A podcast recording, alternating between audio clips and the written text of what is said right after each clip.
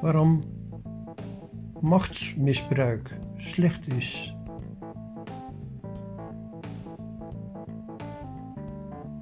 Waarom machtsmisbruik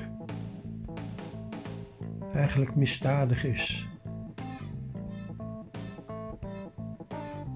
Waarom machtsmisbruik niet kan toestaan.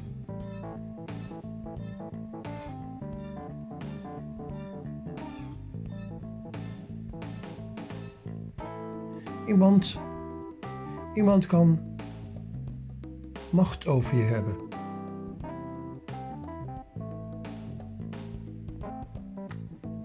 Iemand kan die macht gaan misbruiken.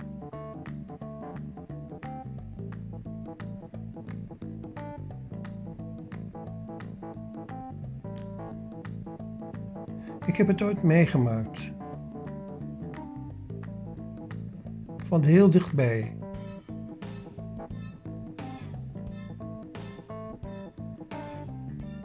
Dat iemand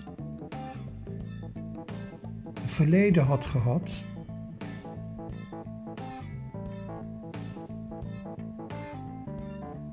Waarin zij echt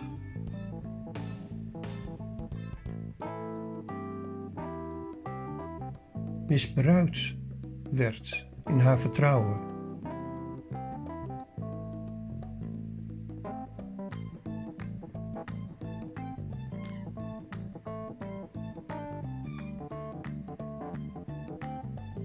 Was een, het was een vrouw, toen nog een meisje,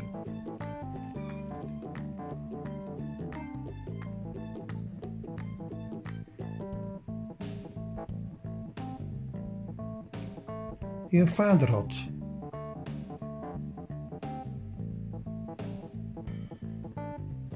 En die vader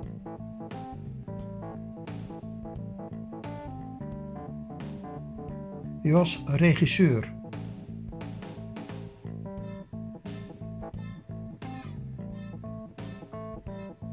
Hij had de macht over mensen die hij een mooie rol kon beloven. Die hij en misschien wel de hoofdrol kon bezorgen.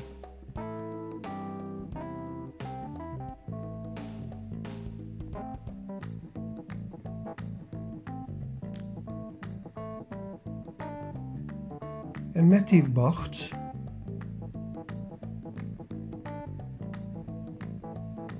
heeft hij gespeeld.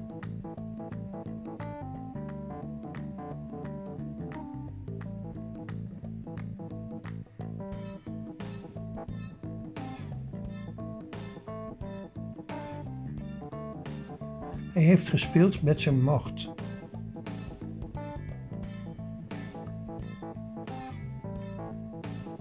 Hij heeft zijn macht misbruikt.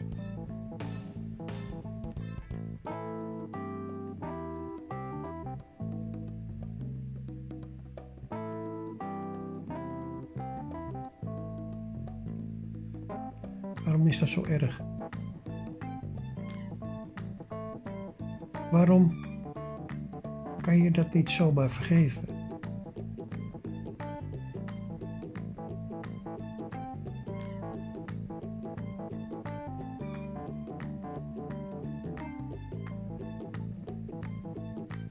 Het gaat overal dwars doorheen.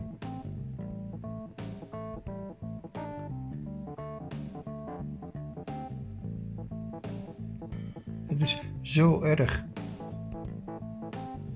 als echt een vertrouwen in je eigen vader. Ja, in je eigen vader. Zo enorm beschaamd wordt.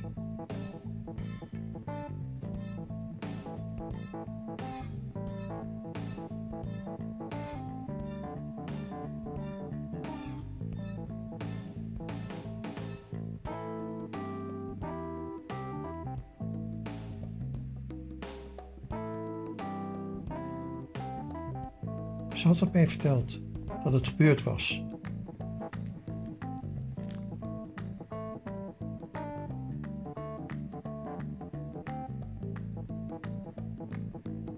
Nee, nee, niet met haar. Dat had ze me niet verteld.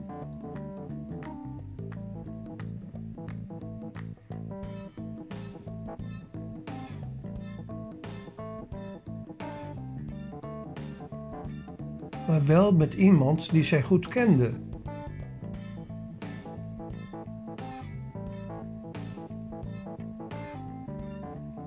Iemand die daar dikwijls over de vloer kwam.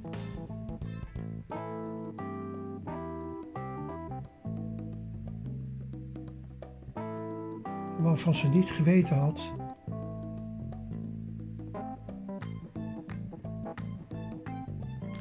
dat het echt zo was.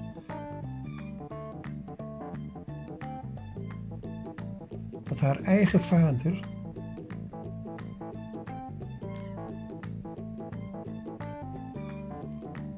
Haar eigen vader.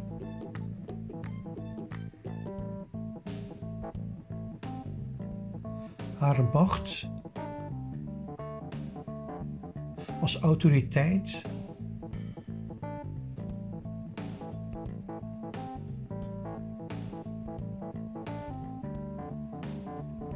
volledig misbruikt had.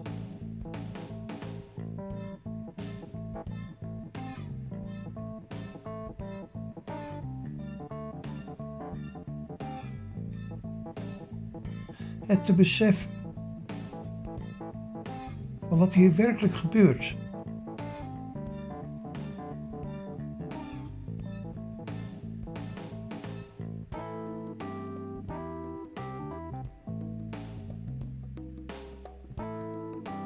Was dus niet. Het was niet die vriendin zelf.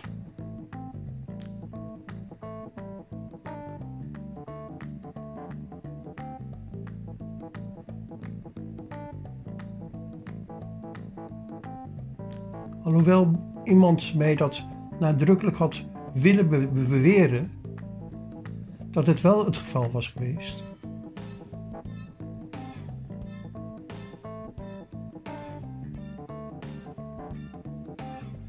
Waarom het ook werkelijk mijn vraag is geweest aan haar. Heeft hij jou ook misbruikt?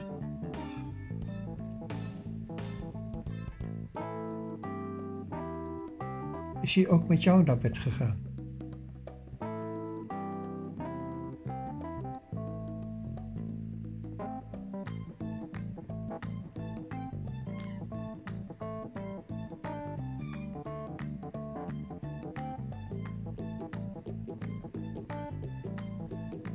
Man die mij dat verteld had, had dat helemaal niet kunnen bewijzen.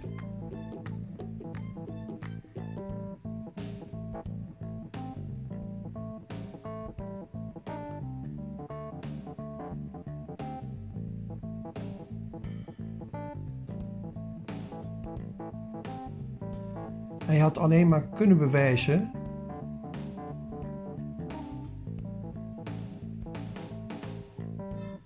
het gebeurd was met zijn toenmalige vriendin.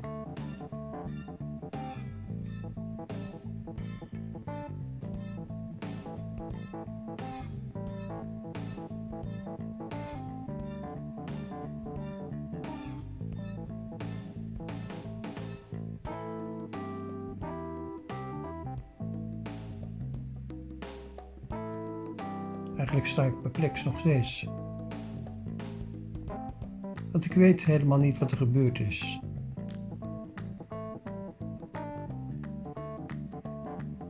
Ik weet het niet.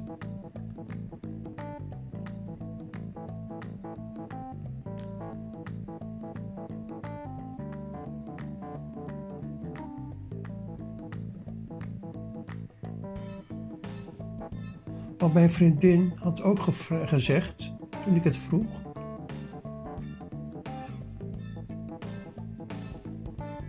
En ook al zou het zo zijn, Wat dan nog?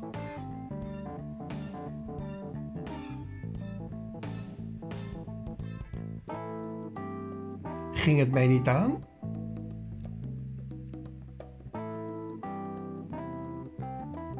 Ging het mij echt niet aan?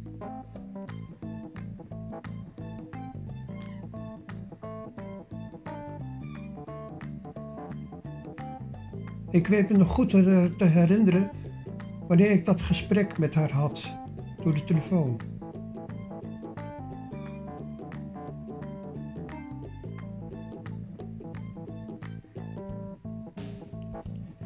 Ik stond vlak voor het ziekenhuis waar mijn eigen moeder geboren was. Voor de hoofdingang.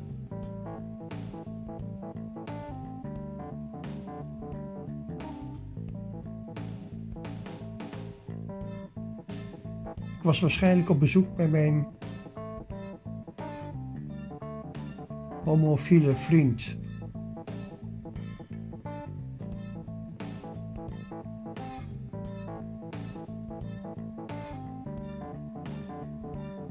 Mijn homofiele vriend. Waar ik dus absoluut nooit een seksuele verhouding mee heb gehad. Ik moet er niet aan denken.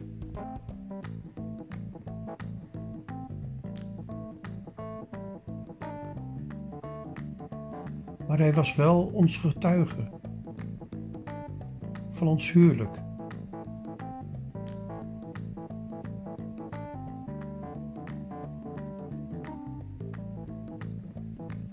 En dat ik de verkeerde getuige had gekozen kwam ik toen ook achter. Want wat heeft het voor zin om een getuige te hebben? Van iemand die wanneer het erop aankomt helemaal niet getuigen wil.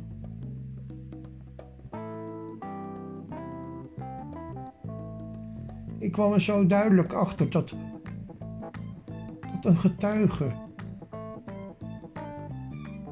Niet alleen maar iets als een handtekening op een papier is. Nee, een getuige moet veel meer zijn. Ik ben nog nooit zo duidelijk erachter gekomen dat juist een getuige die een handtekening zet, omdat hij een van je beste vrienden is. Of geef zich uit daarvoor.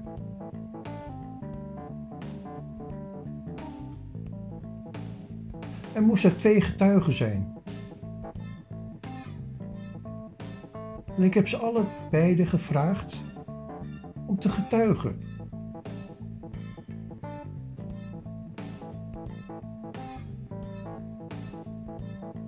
Mijn getuige was een homofiele vriend. Waar ik absoluut nooit een seksueel contact op, op wat voor manier dan ook mee gehad heb.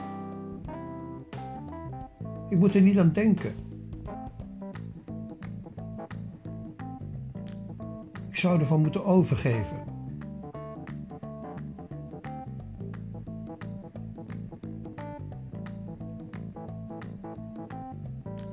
Ik weet hoe hoe moeilijk hij het heeft gehad met, met zijn, zijn leven op deze aarde.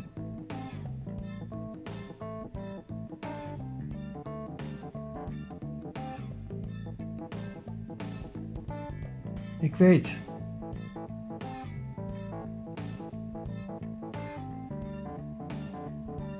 Dat hij vreemde praktijken had.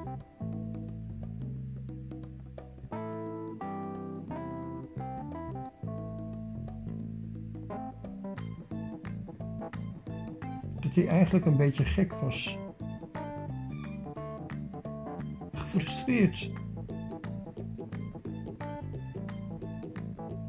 Hij kwam uit een rooms-katholiek gezin. Maar kinderen elkaar moesten opvoeden.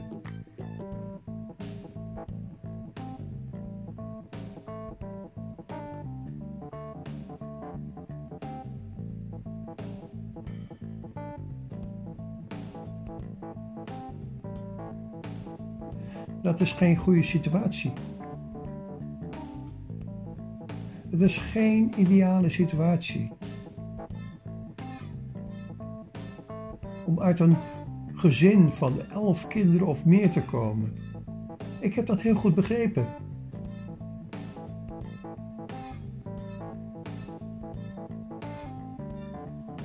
Maar hoe komen ze erbij? Om zo ontzettend veel van een vrouw te verlangen. Om zo ontzettend veel kinderen te gaan maken. Waar komt dat vandaan? Waarom wordt dat zo geprezen in bepaalde gezinnen?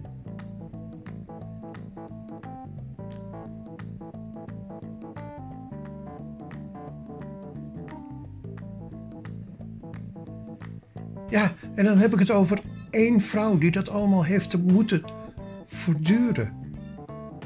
Dat was gewoon, was normaal.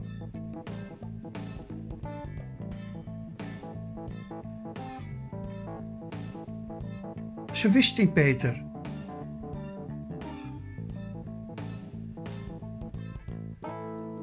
Oh, mensen. Kijk toch naar deze situatie. Luister deze situatie. Want ik weet zeker dat er een heel veel mensen misschien zullen luisteren en deze situatie kunnen herkennen. Ik heb het over een vriend die homo was, die homo is geworden.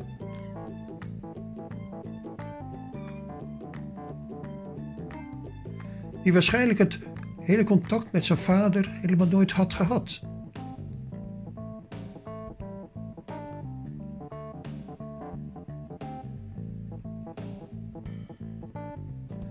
Wanneer een kind totaal vervreemd van zijn ouder, is dat een misdaad? Dat, dat, is een misdaad. En daar is een schuldige. Wie is de schuldige?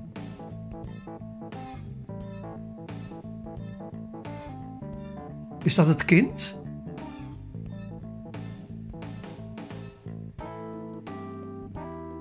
Of is dat de vader? Of misschien wel de moeder?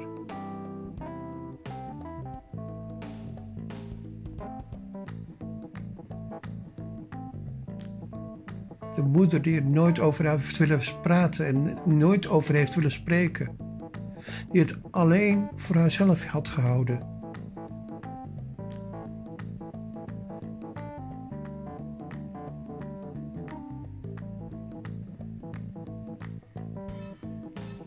Ik had het niet voor mogelijk gehouden. Dat ik getuige kon zijn van zo'n groot leed.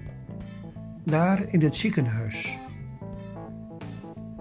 Daar toen in dat ziekenhuis, eigenlijk al vanaf. Ja, vanaf. Welk jaar was dat? Vanaf 1988.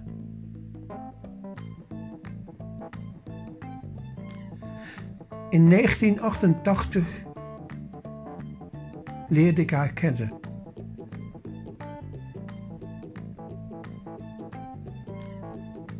Ze was een beeldschone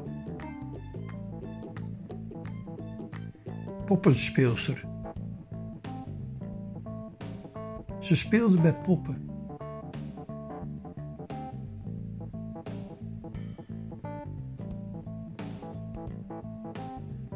En dan denk ik aan de rapportage die ik zelf nog heb willen opnemen.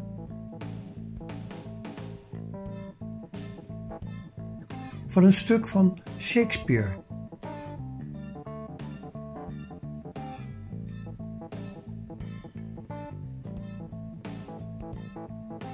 waren twee stukken die mij,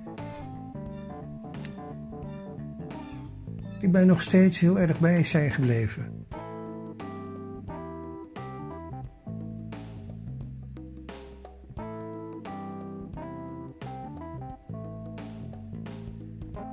En die eigenlijk heel erg verschrikkelijk waren.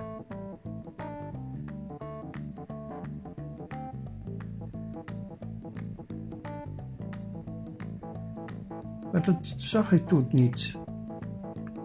Dat wilde ik toen niet zien. Ik was verblind.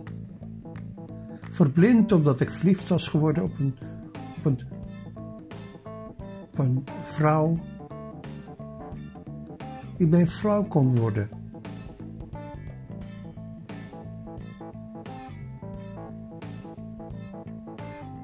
Ik.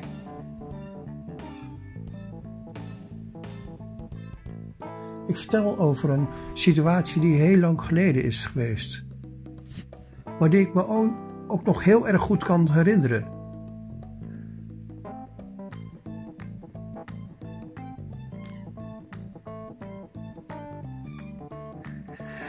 Ik weet niet hoe lang het geleden was op dat moment.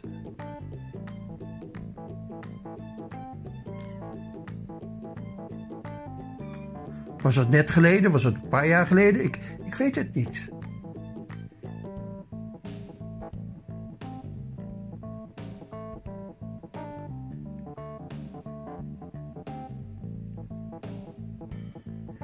Ik weet alleen dat de man die het mij uiteindelijk verteld heeft,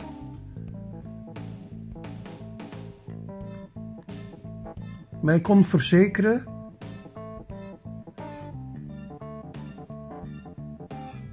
dat er al zeven jaar lang een verhouding had plaatsgevonden met een vrouw en een getrouwde man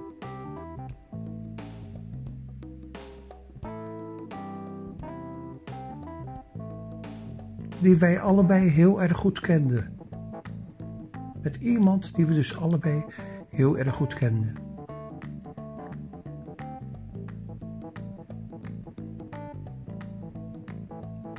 Als je dan nagaat. Zeven jaar vreemd gaan.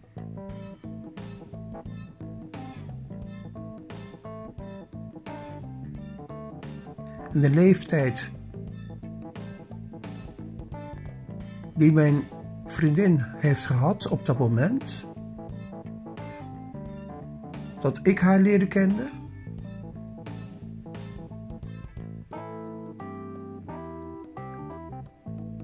Ja, dan moet zij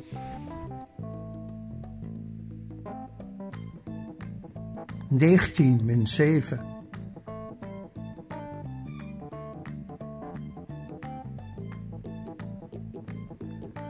19 min 7. 12 jaar geweest zijn. 12 jaar geleden. Of nee, 12 jaar was haar leeftijd.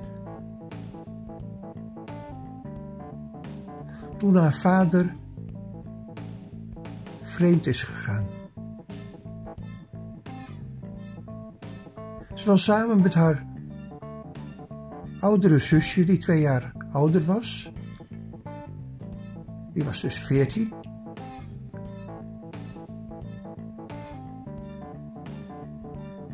Of allebei nog uh, ja, iets jonger, ik weet het niet precies.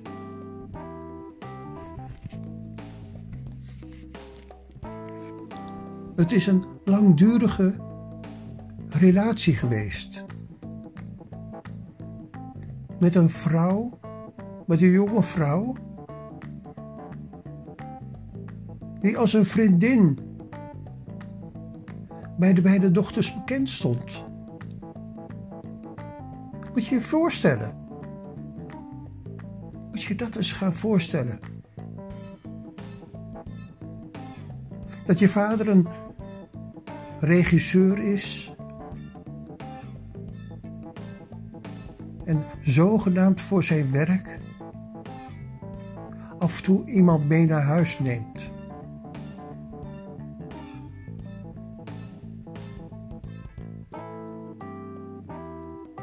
Iemand ja, die je misschien wel heel erg aardig bent gaan vinden. Waarvan je nooit geweten zou hebben dat hij met je eigen vader naar bed was gegaan. Oh mensen, dit, dit is zo erg om je te bedenken.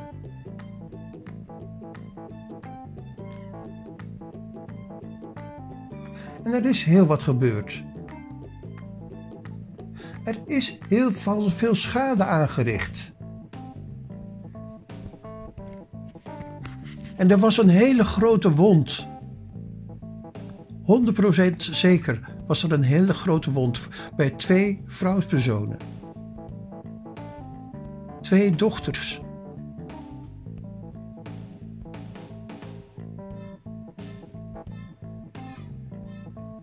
En de man die dit veroorzaakt heeft.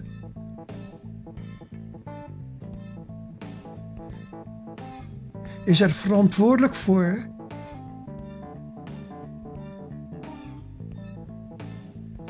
ja, die is er verantwoordelijk voor. 100% zeker.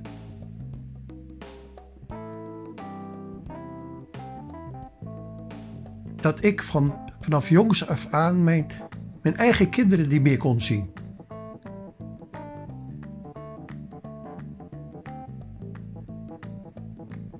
Ja, als ik me dit bedenk, dan word ik nog steeds kwaad.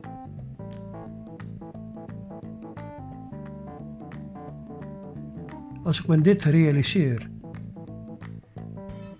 En ik realiseer me het, omdat ik het nu een klein beetje langzamer laat passeren.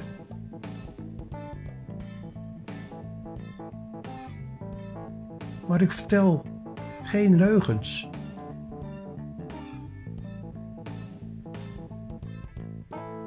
Ik vertel het langzaam, omdat ik me dan beter kan realiseren van wat er echt gebeurd was.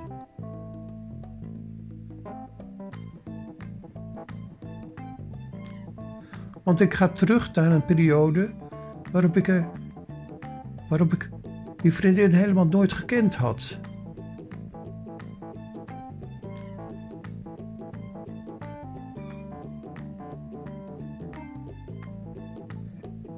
Ja, hij was een regisseur.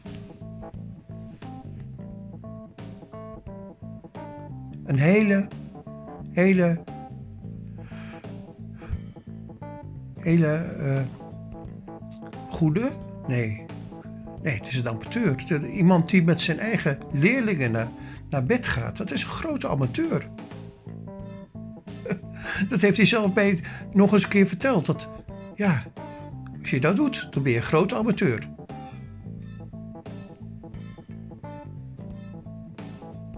Het is een wond die nooit is weggegaan.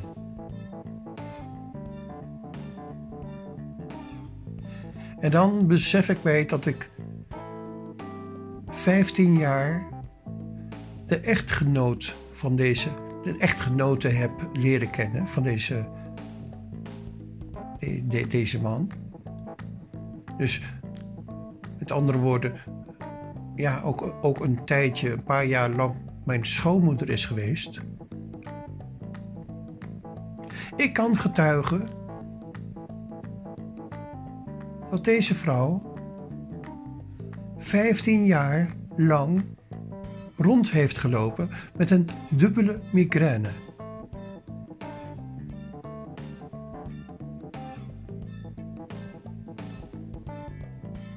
En over wie heb ik het dan? Over wie heb ik het?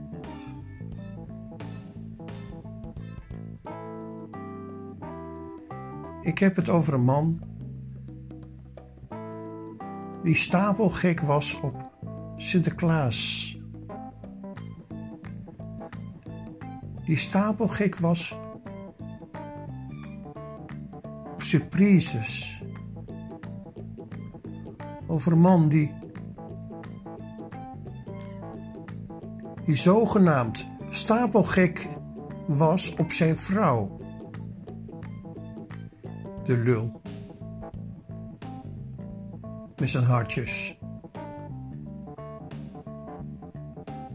Ik zie hem nog elk jaar, al die jaren lang, voor zijn vrouw een hart kopen. Een hart met een mooi gedicht erbij. Hij moest iets goed maken.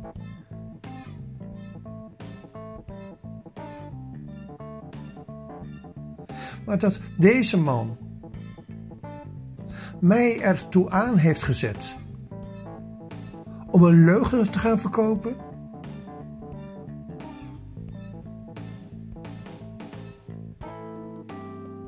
Dat heeft hij gedaan. Hij heeft mij erin laten lopen, rechtstreeks.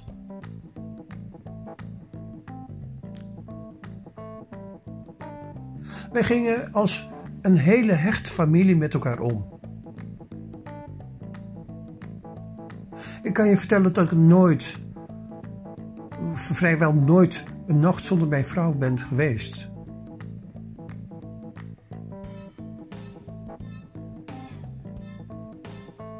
Vele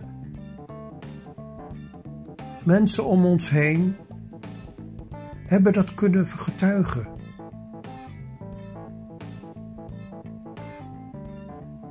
Maar werkelijk niemand is er is er geweest die werkelijk zijn, ja, zijn getuigenis heeft laten doen gelden. Ik weet, wanneer jij misschien, ja, ook getrouwd bent en, en je hebt ook gedacht, net zoals wij toen hebben gedacht, van, oh, we, we maken er niet zo'n feest van. Het is gewoon een, ja, het is een kwestie van handtekeningen. En we doen het voor onze kinderen. Want eigenlijk is het helemaal niet nodig voor ons. Zo hebben wij gedacht. Wij dachten, zo'n getuigenis, dat is niks waard. Dat is het wel. Ik ben er heel goed achter gekomen dat dat wel belangrijk is. Hoe goed ik ook nog heb gezocht naar die andere getuigenis, die is op een gegeven moment verhuisd. Dat was iemand waar ik heel goed contact mee had. Dat was een vriendin van ons beiden. En ze was ook bezig met theater en ze was een kunstenares.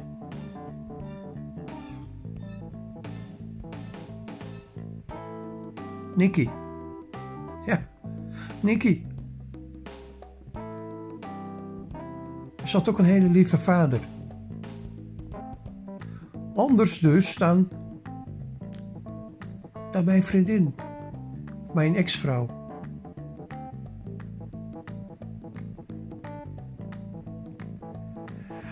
Ja, ik, ik, weet niet waarom ik dit allemaal vertel, maar dit is nog steeds iets waar ik mee bezig ben. Ik heb dat nooit losgelaten. Wat er eigenlijk hier gebeurd is. En ik kwam, het, ik kwam daarachter. Ik kwam daarachter toen ik een tekening ging maken. Toen ik kort geleden een tekening ging maken. Een highway drawing. Over een intellectueel.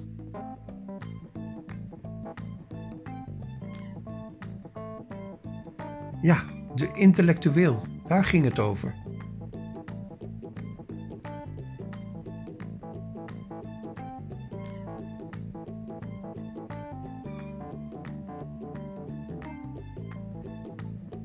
Ik heb een highway-droming gemaakt van een intellectueel.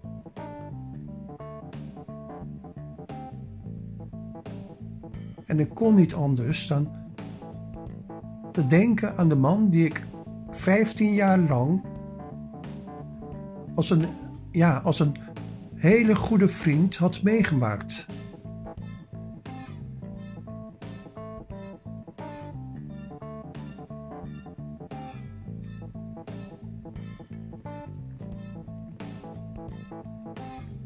En nou ga ik alleen maar even terug naar het allereerste begin. Want ik heb daar nooit zo bij nagedacht. Maar het allereerste begin dat ik eigenlijk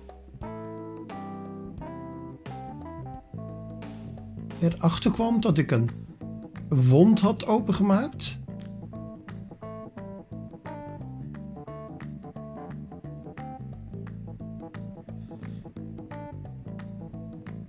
Dat was een moment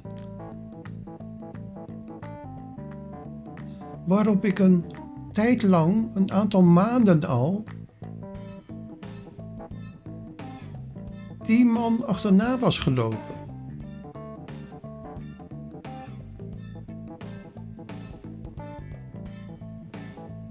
En juist op dat moment, of eigenlijk veel later nog, realiseer ik me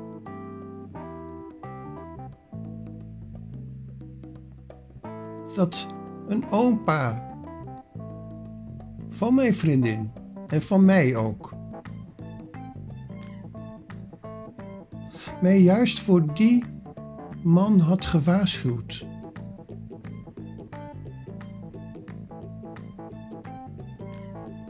Ik heb dat, die waarschuwing niet, niet serieus willen nemen.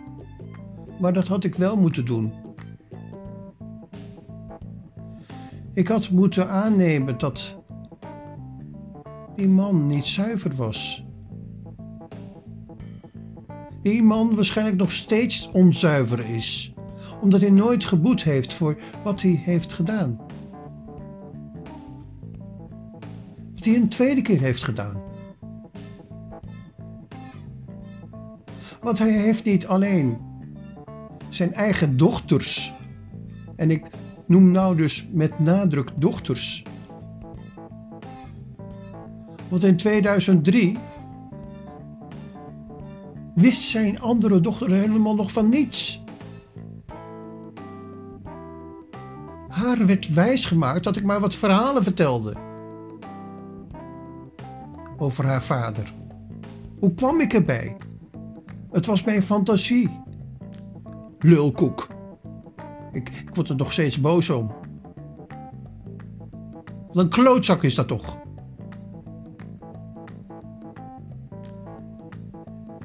Ja, ik moet het weg. Ik wil, ik wil, ik wil hiervan af. Ik, ik geef het aan de Heer.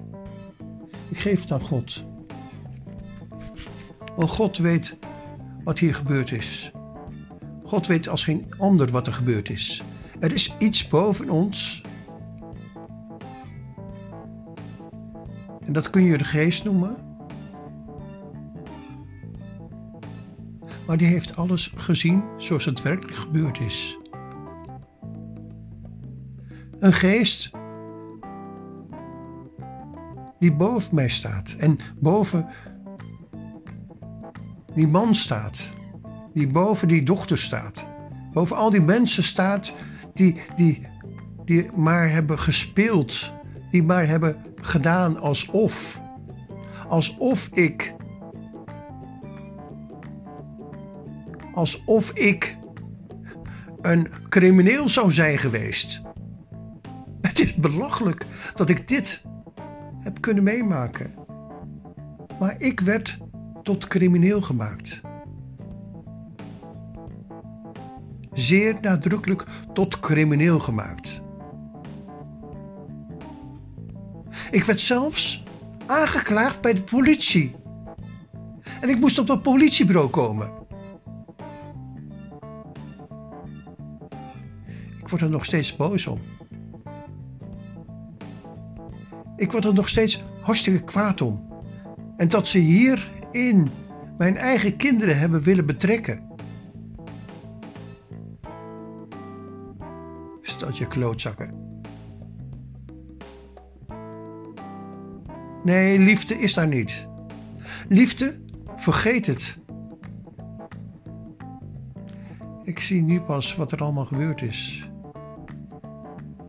Ik zie nu pas, nu ik het een beetje langzaam de revue laat passeren, van wat een verschrikkelijk leed er is gebeurd. Ja, dit had nooit mogen gebeuren. En de mensen die dit hebben toegestaan,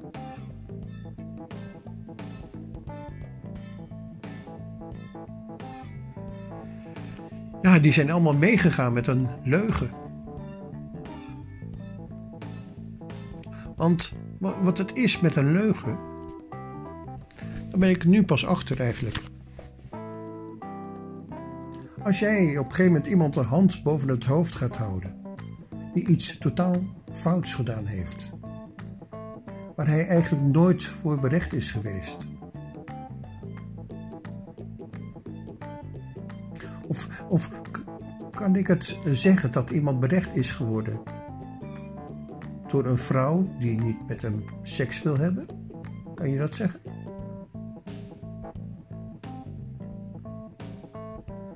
Nee, ik weet het niet. Ik weet, ik weet eigenlijk helemaal weinig van overspel of dubbelspel.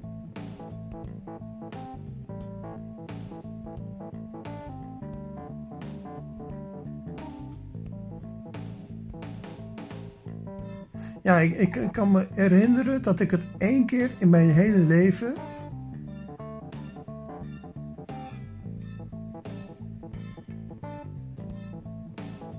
Dat ik.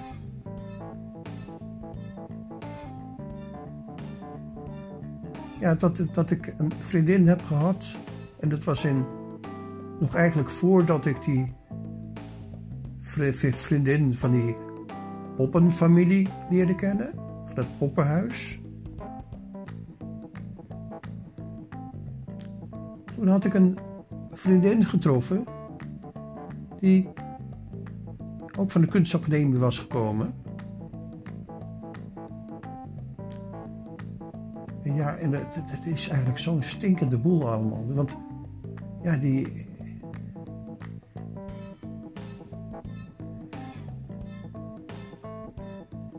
die homo-vriend die, die ik had en die, die dus ook een broer had, ja, die kende ik ook. En daar werd ik ook bevriend mee en daar ben ik ook mee omgegaan. En die broer, die had een, ja, een vriendin die hij ook op de kunstacademie had leren kennen, in Den Bosch. En die vriendin had weer een vriendin en die wilde daar, en die was modeontwerpster geworden. En die had een baan gekregen als bij een heel klein eh, exclusief modewinkeltje in, in Amsterdam. Niels heet dat geloof ik. Eh, zo'n klein exclusief winkeltje vlakbij de Dam. En die mocht via, uh,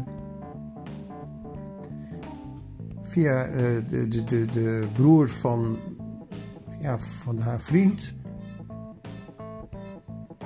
mocht ze een kamertje huren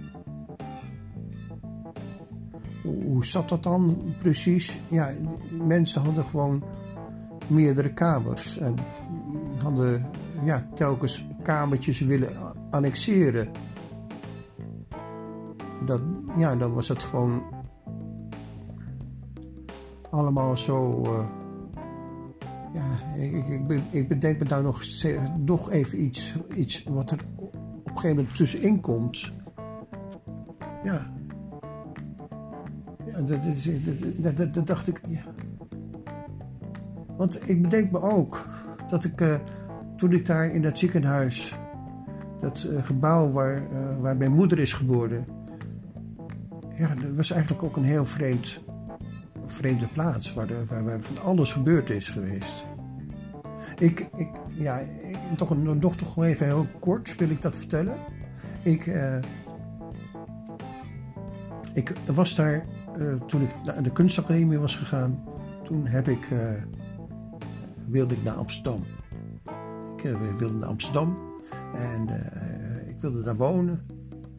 En ik had via, ja, via, via mijn toenmalige vriendin, ik daar voor al een paar jaar geleden was kwijtgeraakt door een heel andere situatie. maar in ieder geval, ik,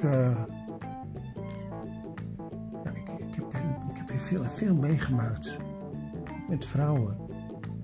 Maar goed, ik, ik moet niet te veel afdalen. Ik, ik wil het alleen even melden dat of die eerste vriendin die ik in Amsterdam had uh, leren kennen. Die, waar ik een verhouding mee heb gehad. Die, dat was Marian. Marian. Marianne de Rond, geloof ik. Een boerendochter uit, uit het Brabant. En ja, die woonde uh, ja, eigenlijk vlak mij. En daar kreeg ik een verhouding mee. Dat was ja, heel leuk. Ik, eh, we gingen uh, met z'n allen naar feestjes toe. Ik, uh, in Brabant, ik, weet, ik kan me nog goed herinneren dat we eens een keer naar Brabant gingen.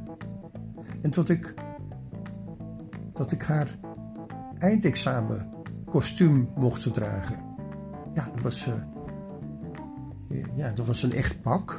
Maar dan een heel speciaal pak, wat zij voor haar afstuderen had gemaakt is eigenlijk heel bijzonder dat ik dat aan had op dat moment. Ja, ze was, eh, was, was, was ook een hele bijzondere vrouw die ik tegen was gekomen. En ja, mijn homofiele vriend, die had dus een uh, broer die op dat moment dus geen homo was. Ja, en uh, dat is toch wel een vreemd voorbeeld. Want ja, begrijpen doe ik het nog steeds niet. Want die, die, die broer van mijn homofiele vriend, is later dus ook homo geworden.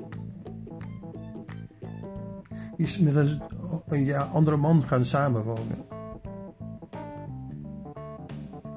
Een gekke wereld, we leven toch. Dat mensen op een gegeven moment kunnen besluiten om ja, nee, ik ben toch, toch niet uh, hetero. Ik hou niet zoveel vrouwen. Ja, als ze te veel misschien meemaken van verkeerde praktijken, verwrongen van praktijken, misschien worden ze dan wel homo. Ik weet het niet. Ik, ik heb dat niet uitgevonden. Ik, ik hoef er ook helemaal geen oordeel over. Dat laat ik aan God over. En het, mensen zijn er niet minder om. Als ze homo zijn, mogen ze van mij. Maar laten ze wel respectvol zijn.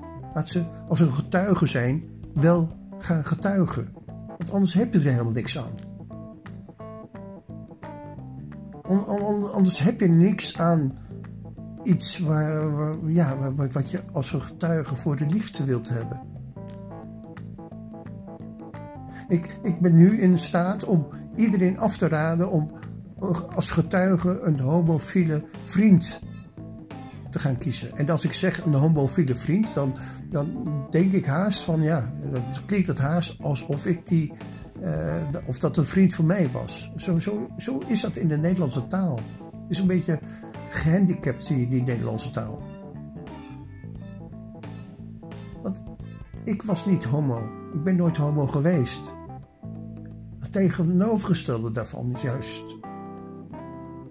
Misschien was ik wel heel erg zo vrouwsgericht dat, het, ja, dat, dat, je eigenlijk bijna niet voor mogelijk kan houden. En toch, toch was er iemand in mijn familie, en dat was notabene mijn eigen oom, die in het, op het laatste van zijn leven had verteld dat hij eigenlijk gedacht had dat ik een homo was ik stond perplex. Hoe kan iemand. Ja. Ja, en ik wist dat eigenlijk ook wel. Want hij had me al genoeg verteld over het Humanistisch Verbond. ja, sorry hoor, maar ik, ik ga het even vertellen. Wat ik misschien al eerder heb verteld is dat mijn oom de directeur was van het Humanistisch Verbond. En daar hadden we het wel eens over, met z'n tweeën. Ik, ontmoette zijn collega's wel in Utrecht en uh, ja, er is helemaal uh, niks mis mee, dacht ik. Maar hij vertelde mij één keertje, en dat wil ik nu toch wel gaan vertellen. Hij vertelde me een keertje dat er iets raars was met dat humanistisch verbond. Namelijk, hij had het meegemaakt dat hij een facturen moest uitzetten en dat zijn collega's erop wilden aandringen dat de nieuwe vacature vervuld moest worden door een homoseksueel persoon.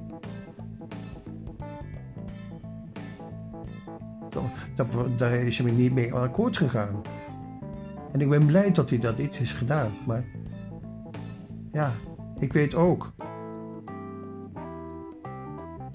dat, dat toen hij geen directeur meer was, er een vrouw is gekomen. Een directrice. En die directrice,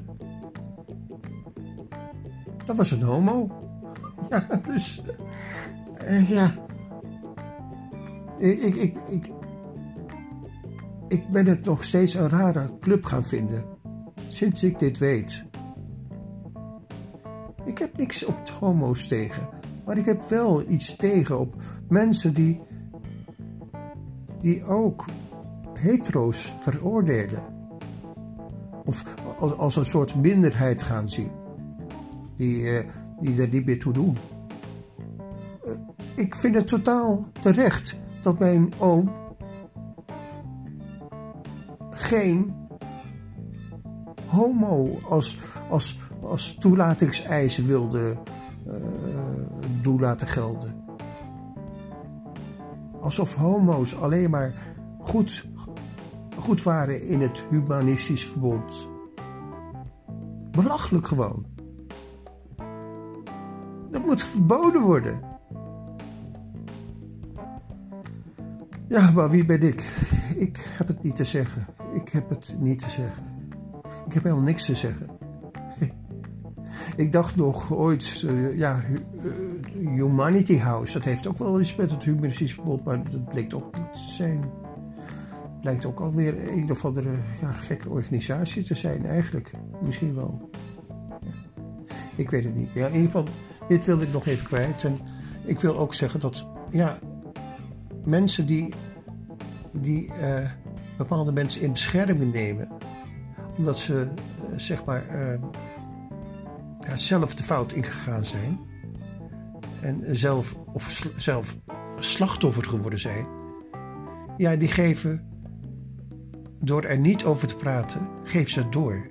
Geef ze een geheim, geven ze door. En er mag er niet over gesproken worden. Toen mijn vriendin, die ik toen net leerde kennen, toen ik dus uh, ja, in 1988. Toen, hij het aan mij, toen zij het aan mij had verteld. En het gewoon ook doorvertelde aan haar vader. Ontstond er een gigantische ruzie. Ik begreep er helemaal niks van. Ja, ik had het allemaal gehoord en ik had al alles vernomen.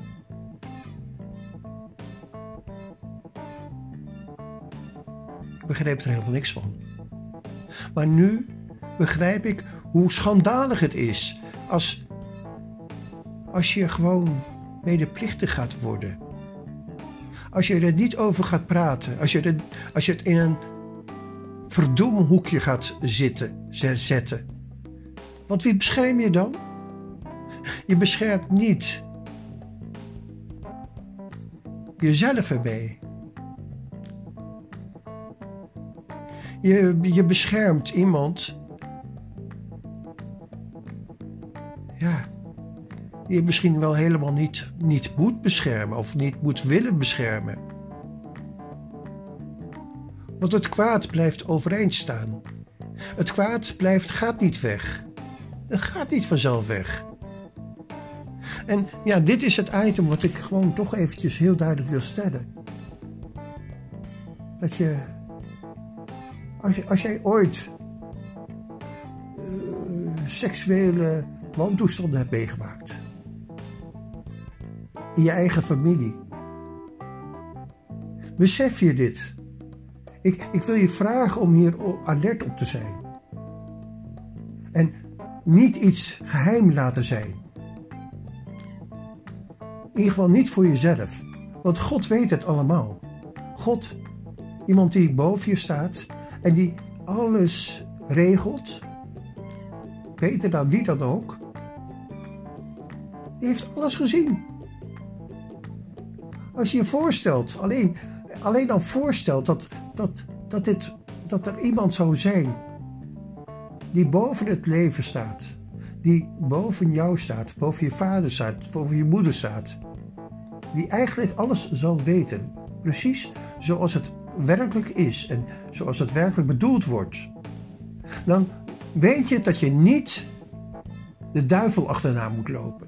Dan, moet je, dan weet je dat Satan zijn, zijn straf moet ondergaan. En daarom maak ik deze opname ook. Omdat ik nog steeds weet dat mijn kinderen, mijn eigen kinderen, mijn bloedeigen kinderen, nog steeds onder de tirannie van die man waar ik het nu over heb, die intellectueel, waarover ik die Heividrollen heb getekend, ja, daar gaat het allemaal over. En dit wil ik naar buiten brengen. En dat kan ik niet in het Engels, dat moet ik in het Nederlands doen. Oké, tot zover deze opname. Ik, ik, weet niet hoe lang hij duurt. Ja, bijna een uur. Oké.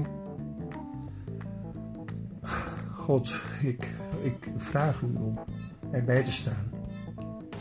Want deze geluidsopname is belangrijk.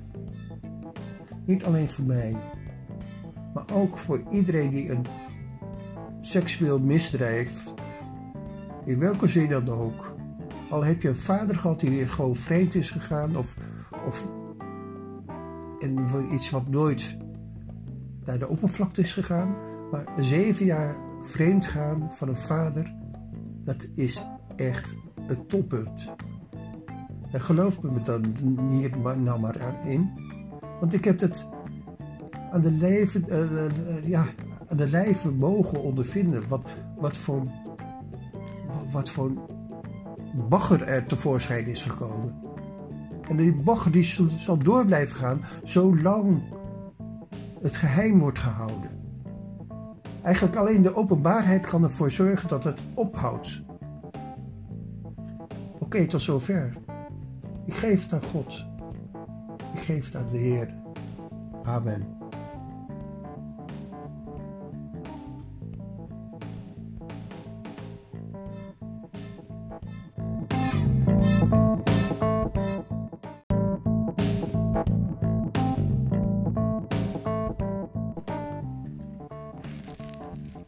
Waarom machtsmisbruik slecht is.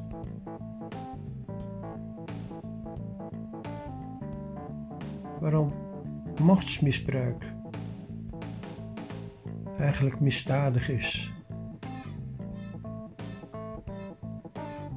Waarom machtsmisbruik niet kan toestaan.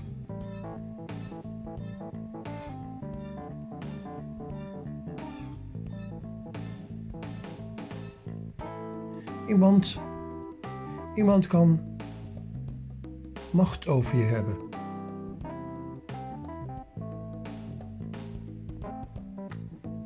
iemand kan die macht gaan misbruiken.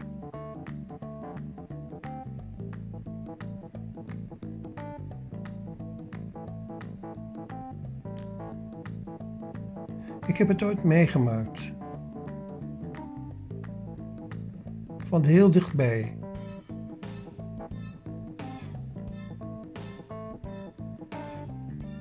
Dat iemand een verleden had gehad.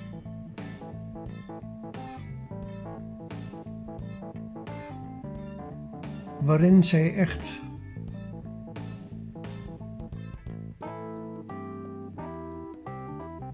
misbruikt werd in haar vertrouwen.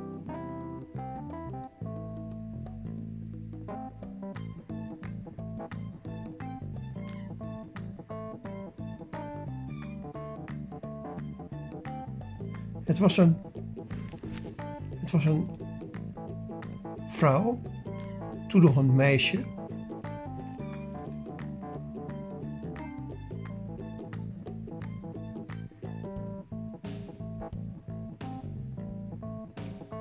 die een vader had.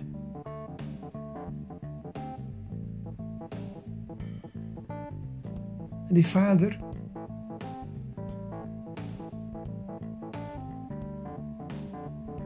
die was regisseur.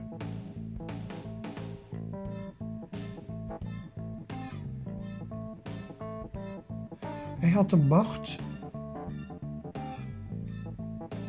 over mensen die hij een mooie rol kon beloven. Die hij en misschien wel de hoofdrol kon bezorgen.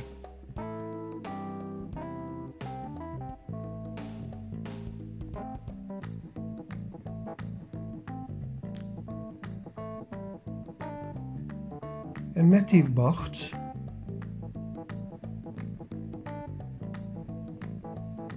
heeft hij gespeeld.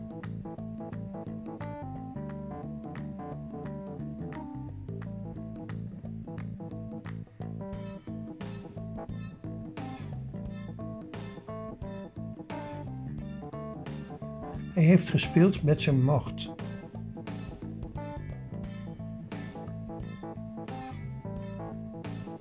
Hij heeft zijn macht misbruikt.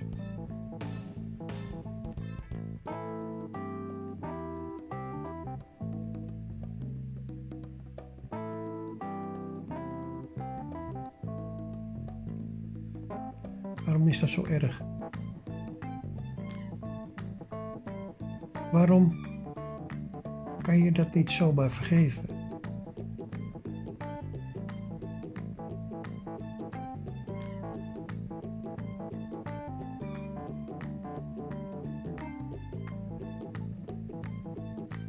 Het gaat overal dwars doorheen.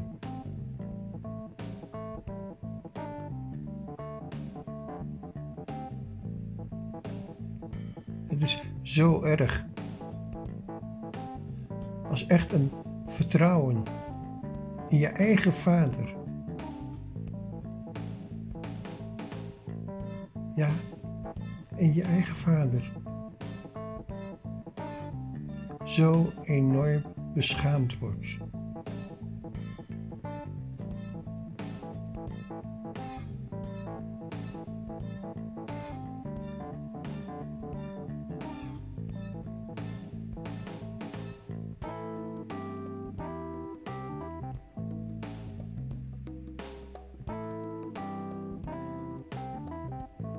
Had mij verteld dat het gebeurd was.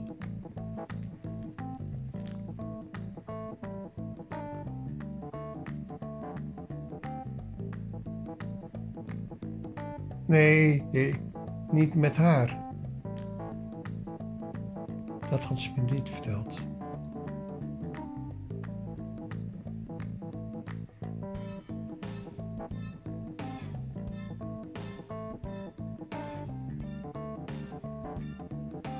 Met iemand die zij goed kende.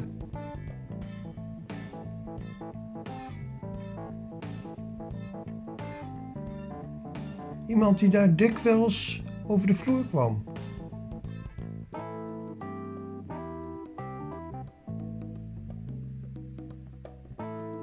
Waarvan ze niet geweten had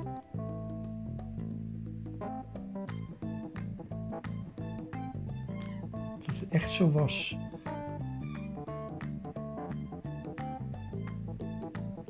Haar eigen vader.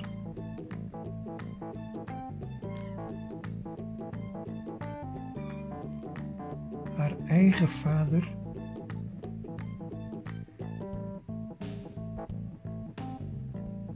Haar macht. Als autoriteit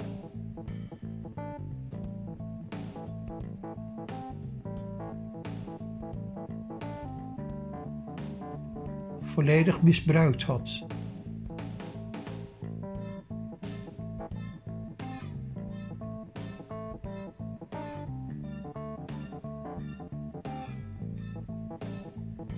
Het te beseffen van wat hier werkelijk gebeurt.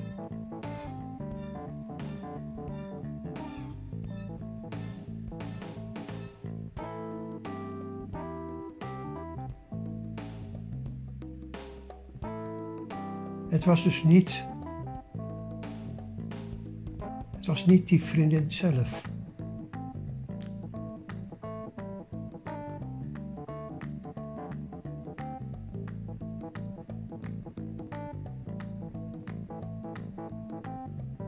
Alhoewel iemand mij dat nadrukkelijk had willen be beweren, dat het wel het geval was geweest.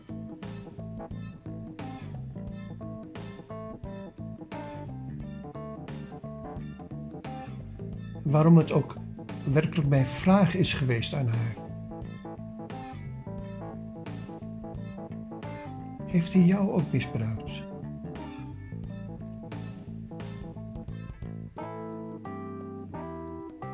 Is hij ook met jou naar bed gegaan?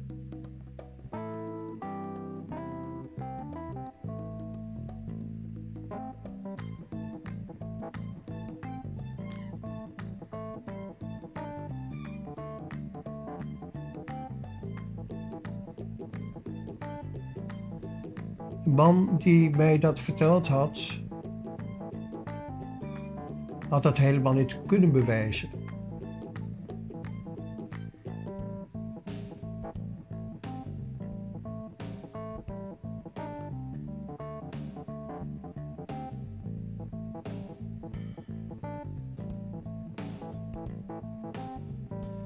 Hij had alleen maar kunnen bewijzen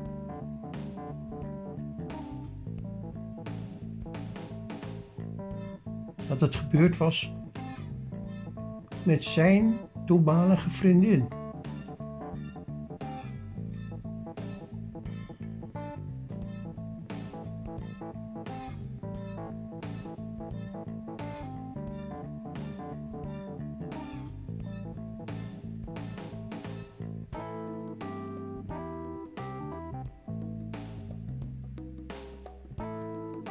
Eigenlijk sta ik perplex nog steeds.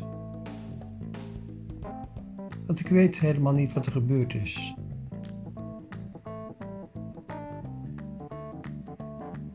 Ik weet het niet.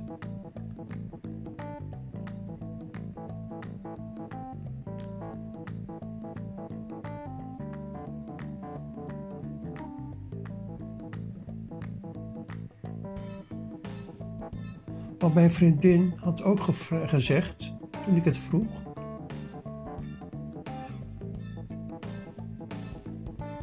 En ook al zou het zo zijn, wat dan nog?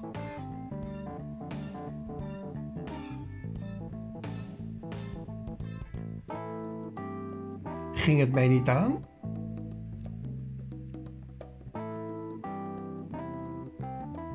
Ging het mij echt niet aan?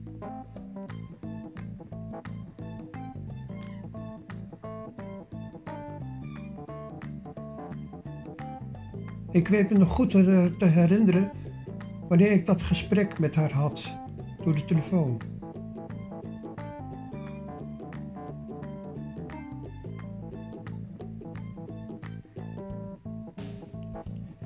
Ik stond vlak voor het ziekenhuis waar mijn eigen moeder geboren was. Voor de hoofdingang.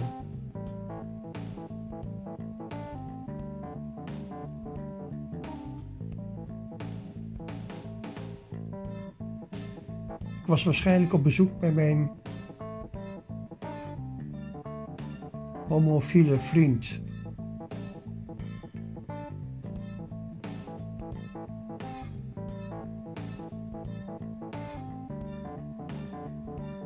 Mijn homofiele vriend. Waar ik dus absoluut nooit een seksuele verhouding mee heb gehad. Ik moet er niet aan denken.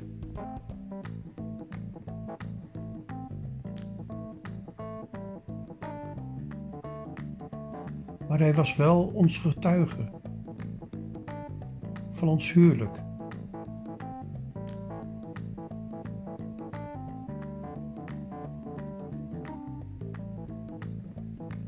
En dat ik de verkeerde getuige had gekozen,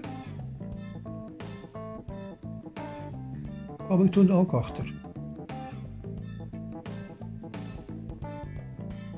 Want wat heeft het voor zin om een getuige te hebben? Van iemand die wanneer het erop aankomt helemaal niet getuigen wil.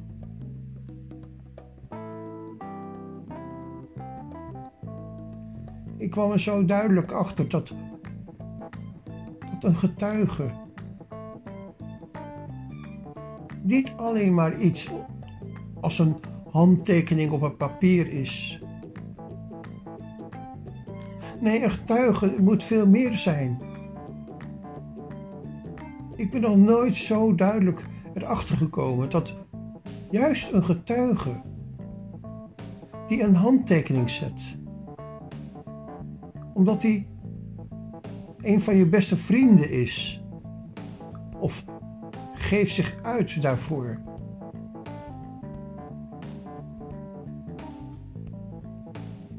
Er moesten twee getuigen zijn.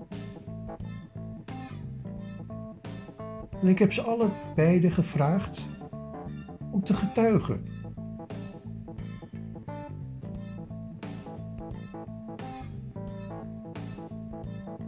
Mijn getuige was een homofiele vriend. Waar ik absoluut nooit een seksueel contact op, op wat voor manier dan ook mee gehad heb. Ik moet er niet aan denken. Ik zou ervan moeten overgeven.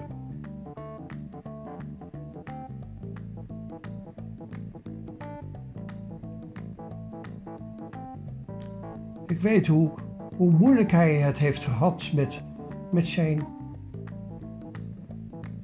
zijn leven op deze aarde.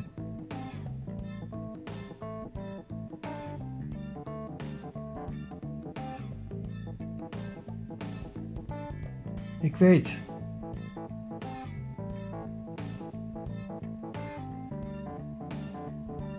dat hij vreemde praktijken had.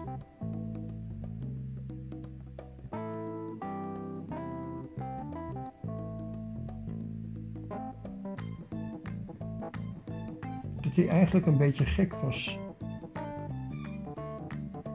Gefrustreerd. Hij kwam uit een rooms-katholiek gezin. Maar kinderen elkaar moesten opvoeden.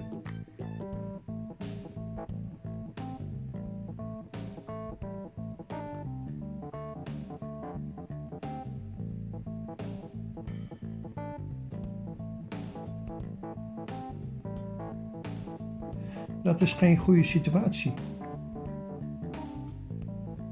Het is geen ideale situatie. Om uit een gezin van elf kinderen of meer te komen. Ik heb dat heel goed begrepen.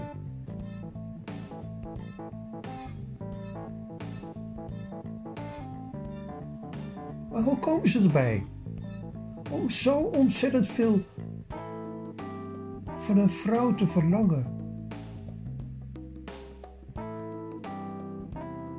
Om zo ontzettend veel kinderen te gaan maken. Komt dat vandaan? Waarom wordt dat zo geprezen in bepaalde gezinnen?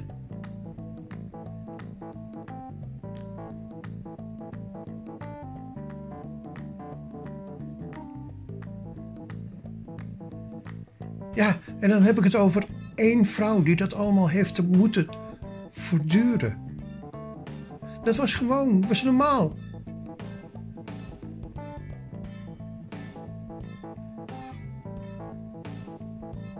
Ze wist niet beter.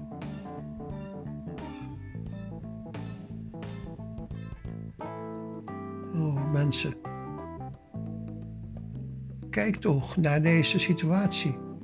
Luister deze situatie. Want ik weet zeker dat er een heel veel mensen misschien zullen luisteren en deze situatie kunnen herkennen. Ik heb het over een vriend die homo was die homo is geworden.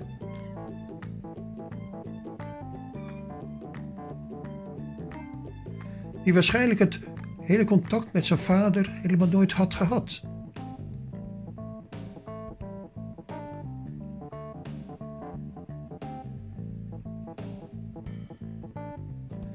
Wanneer een kind totaal vervreemd van zijn ouder is dat een misdaad. Dat, dat is een misdaad. En daar is een schuldige. Wie is de schuldige?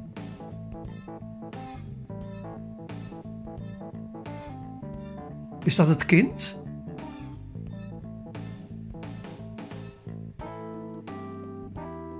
Of is dat de vader? Of misschien wel de moeder?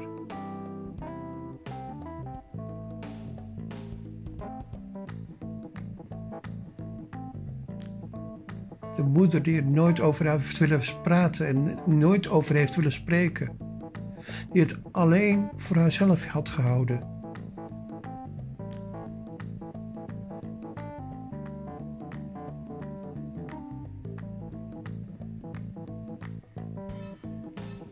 Ik had het niet voor mogelijk gehouden. Dat ik getuige kon zijn van zo'n groot leed daar in het ziekenhuis. Daar toen in dat ziekenhuis, eigenlijk al vanaf. Ja, vanaf. Welk jaar was dat?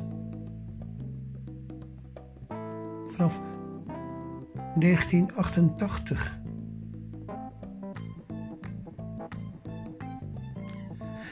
In 1988 leerde ik haar kennen.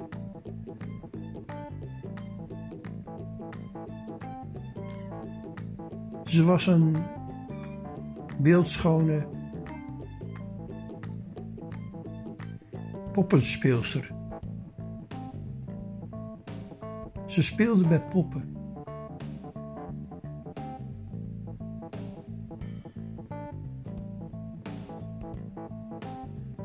En dan denk ik aan de rapportage die ik zelf nog heb willen opnemen.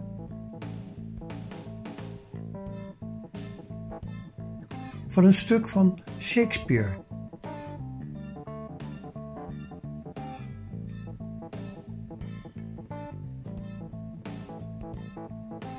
Er waren twee stukken die mij, die mij nog steeds heel erg bij zijn gebleven.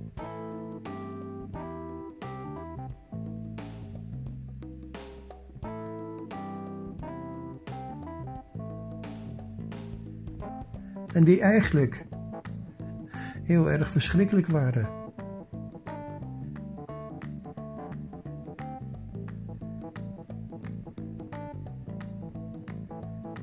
Maar dat zag ik toen niet. Dat wilde ik toen niet zien. Ik was verblind. verblind omdat ik verliefd was geworden op een, op een, op een vrouw die mijn vrouw kon worden.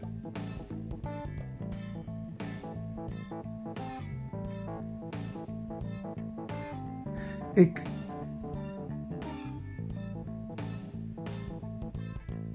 Ik vertel over een situatie die heel lang geleden is geweest. Maar die ik me ook nog heel erg goed kan herinneren.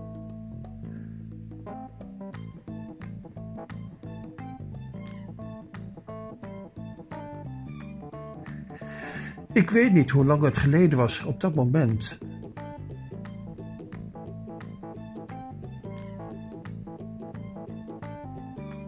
Was het net geleden? Was het een paar jaar geleden? Ik, ik weet het niet.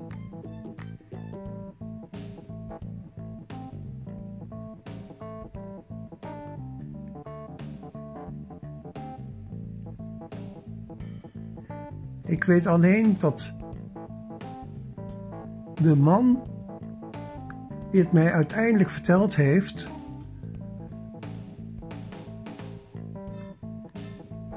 mij kon verzekeren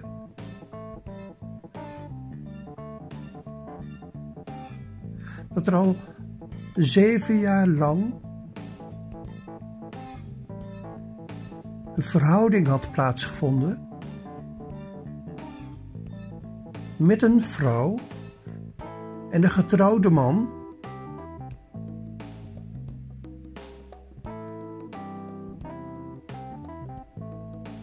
Die wij allebei heel erg goed kenden. Met iemand die we dus allebei heel erg goed kenden.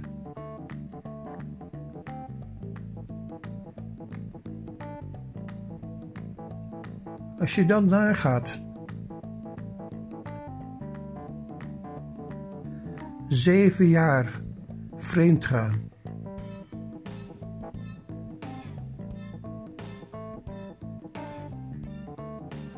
De leeftijd die mijn vriendin heeft gehad op dat moment dat ik haar leerde kennen.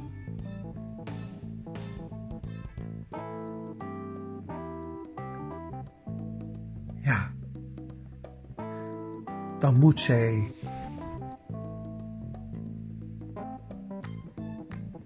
negentien min zeven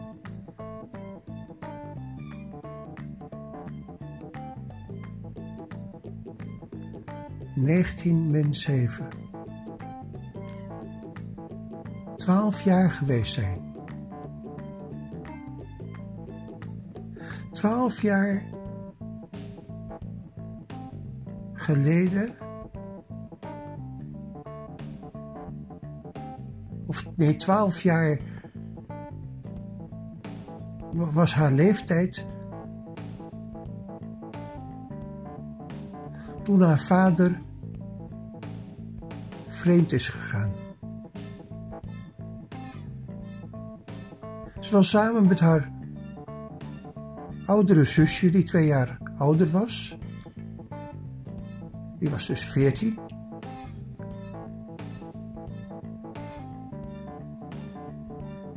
Of allebei nog uh, ja, iets jonger, ik weet het niet precies.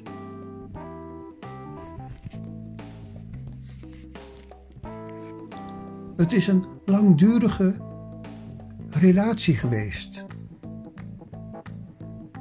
Met een vrouw, met een jonge vrouw die als een vriendin bij de beide dochters bekend stond. Moet je je voorstellen. Moet je dat eens gaan voorstellen. Dat je vader een regisseur is. En zogenaamd voor zijn werk af en toe iemand mee naar huis neemt.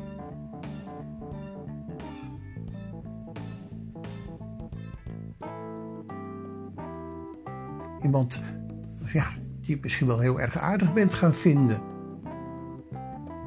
Waarvan je nooit geweten zou hebben dat hij met je eigen vader naar bed was gegaan.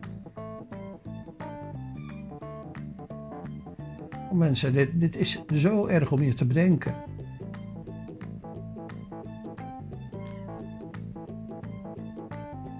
En er is heel wat gebeurd. Er is heel veel schade aangericht.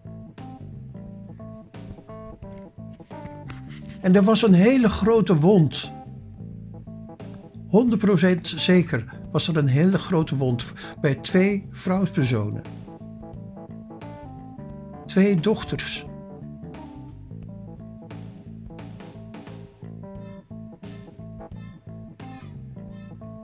En de man die dit veroorzaakt heeft,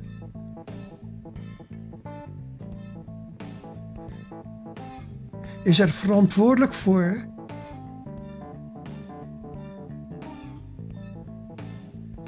ja, die is er verantwoordelijk voor. 100% zeker.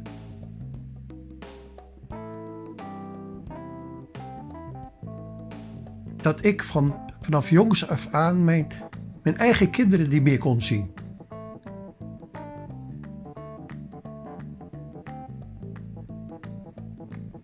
Ja, als ik me dit bedenk, dan word ik nog steeds kwaad.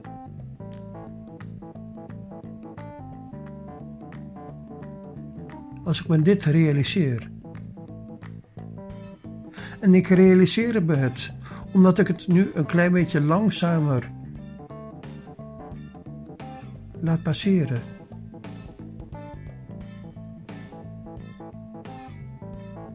Maar ik vertel geen leugens.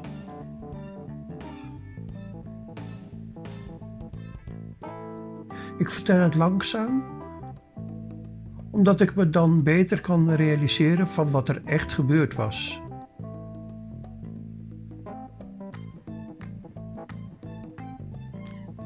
Want ik ga terug naar een periode waarop ik, er, waarop ik die vriendin helemaal nooit gekend had.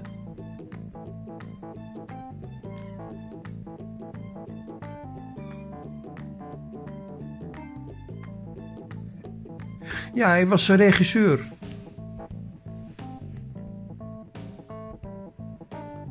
Hele, hele, hele uh, goede? Nee. Nee, het is een amateur. Iemand die met zijn eigen leerlingen naar, naar bed gaat. Dat is een grote amateur. Dat heeft hij zelf bij nog eens een keer verteld. Dat, ja, als je dat doet, dan ben je een grote amateur.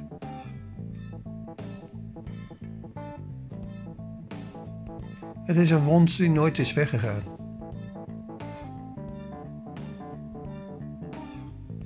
En dan besef ik mij dat ik 15 jaar de echtgenoot van deze, de echtgenote heb leren kennen van deze, de, deze man. Dus met andere woorden, ja, ook, ook een tijdje, een paar jaar lang mijn schoonmoeder is geweest. Ik kan getuigen dat deze vrouw 15 jaar lang rond heeft gelopen met een dubbele migraine.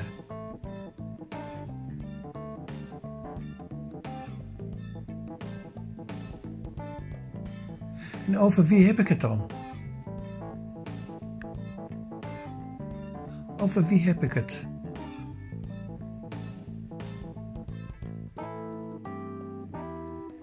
Ik heb het over een man die stapelgek was op Sinterklaas. Die stapelgek was op surprises. Over een man die, die zogenaamd stapelgek was op zijn vrouw de lul. Met zijn hartjes. Ik zie hem nog elk jaar, al die jaren lang, voor zijn vrouw een hart kopen. Een hart met een mooi gedicht erbij. Hij moest iets goed maken.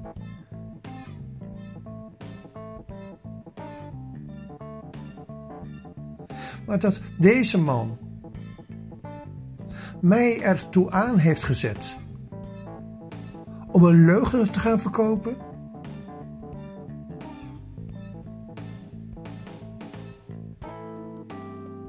Dat heeft hij gedaan. Hij heeft mij erin laten lopen, rechtstreeks.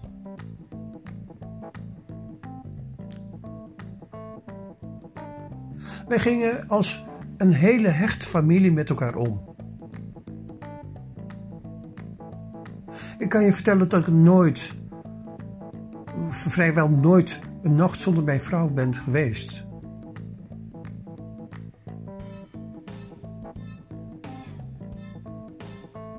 Vele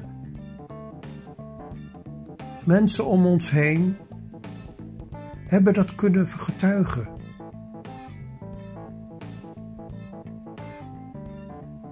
Maar werkelijk niemand is er, is er geweest die werkelijk zijn, ja, zijn getuigenis heeft laten doen gelden. Ik weet, wanneer jij misschien, ja, ook getrouwd bent en, en je hebt ook gedacht, net zoals wij toen hebben gedacht, van, oh, we, we maken er niet zo'n feest van. Het is gewoon een, ja, het is een kwestie van handtekeningen. En we doen het voor onze kinderen. Want eigenlijk is het helemaal niet nodig voor ons. Zo hebben wij gedacht. Wij dachten, zo'n getuigenis, dat is niks waard.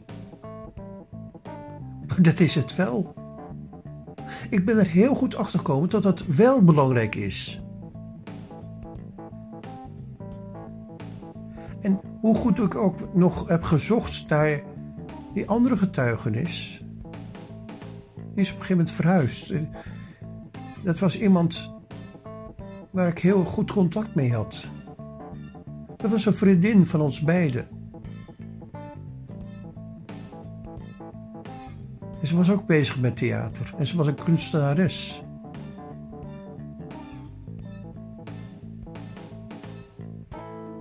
Nicky. Nicky. Ze had ook een hele lieve vader. Anders dus dan, dan mijn vriendin, mijn ex-vrouw.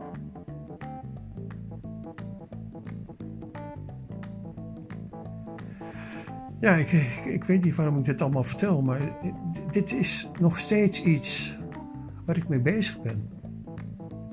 Ik heb dat nooit losgelaten. Wat er eigenlijk hier gebeurd is. En ik kwam het, ik kwam daarachter.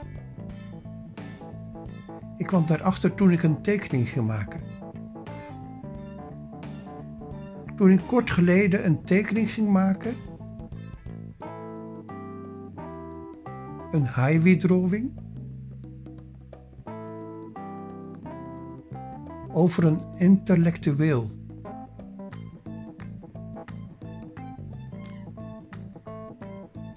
Ja, de intellectueel, daar ging het over.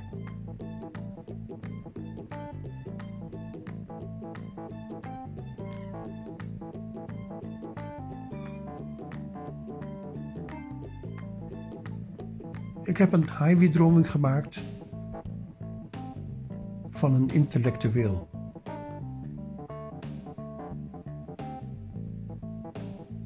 En ik kon niet anders dan te denken aan de man die ik 15 jaar lang als een, ja, als een hele goede vriend had meegemaakt.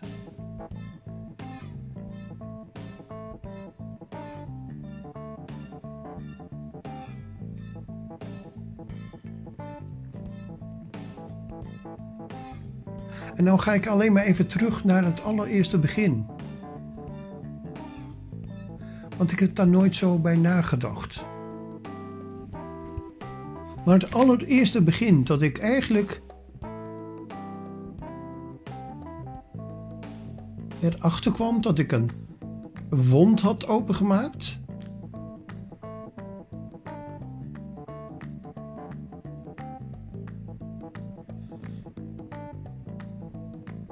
Dat was een moment waarop ik een tijd lang, een aantal maanden al, die man achterna was gelopen.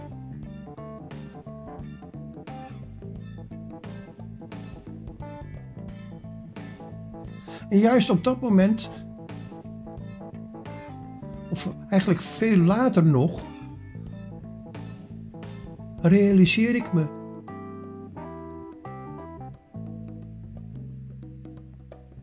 dat een opa van mijn vriendin en van mij ook mij juist voor die man had gewaarschuwd.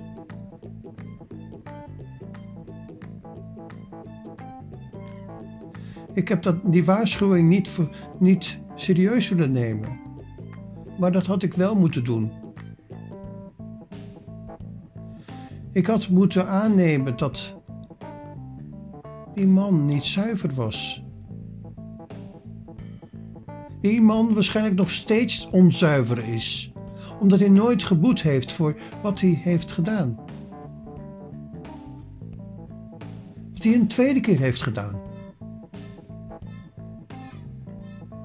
Want hij heeft niet alleen zijn eigen dochters, en ik noem nou dus met nadruk dochters. Want in 2003 wist zijn andere dochter helemaal nog van niets. Haar werd wijsgemaakt dat ik maar wat verhalen vertelde over haar vader. Hoe kwam ik erbij? Het was mijn fantasie. Lulkoek. Ik, ik word er nog steeds boos om. Wat een klootzak is dat toch?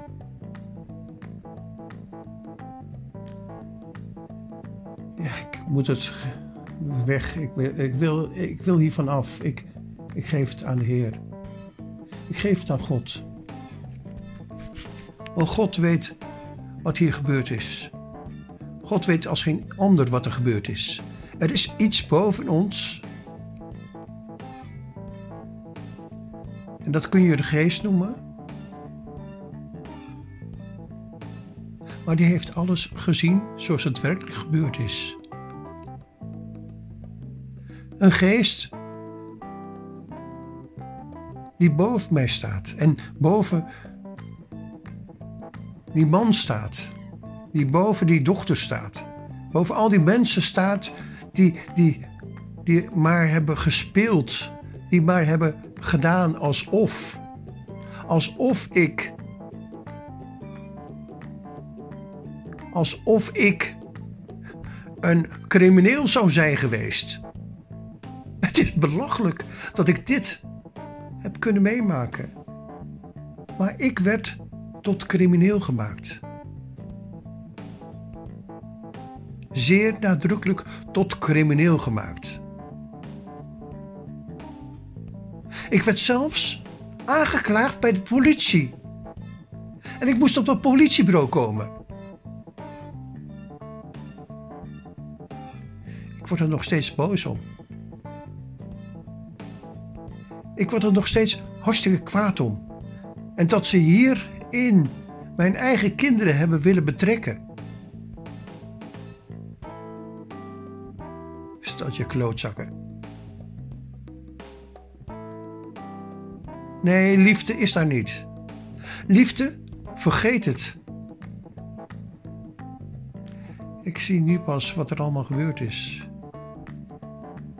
Ik zie nu pas, nu ik het een beetje langzaam de revue laat passeren, van wat een verschrikkelijk leed er is gebeurd. Ja, dit had nooit mogen gebeuren. En de mensen die dat hebben toegestaan.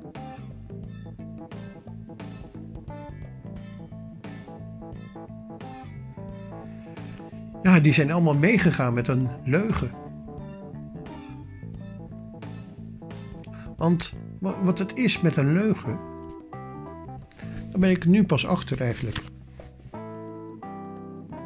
Als jij op een gegeven moment iemand een hand boven het hoofd gaat houden, die iets totaal fouts gedaan heeft, waar hij eigenlijk nooit voor berecht is geweest. Of, of kan ik het zeggen dat iemand berecht is geworden door een vrouw die niet met hem seks wil hebben? Kan je dat zeggen?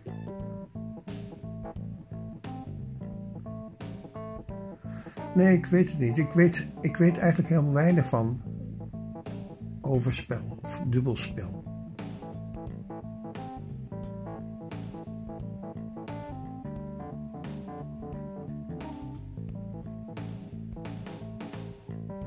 Ja, ik, ik, kan me herinneren dat ik het één keer in mijn hele leven.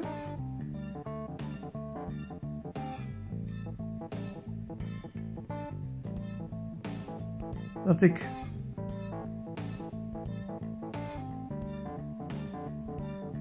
Ja, dat, dat ik een vriendin heb gehad. En dat was in. Nog eigenlijk voordat ik die vriendin van die poppenfamilie leerde kennen van het poppenhuis. Toen had ik een vriendin getroffen die ook van de kunstacademie was gekomen. Ja, en het, het is eigenlijk zo'n stinkende boel allemaal. Want ja, die,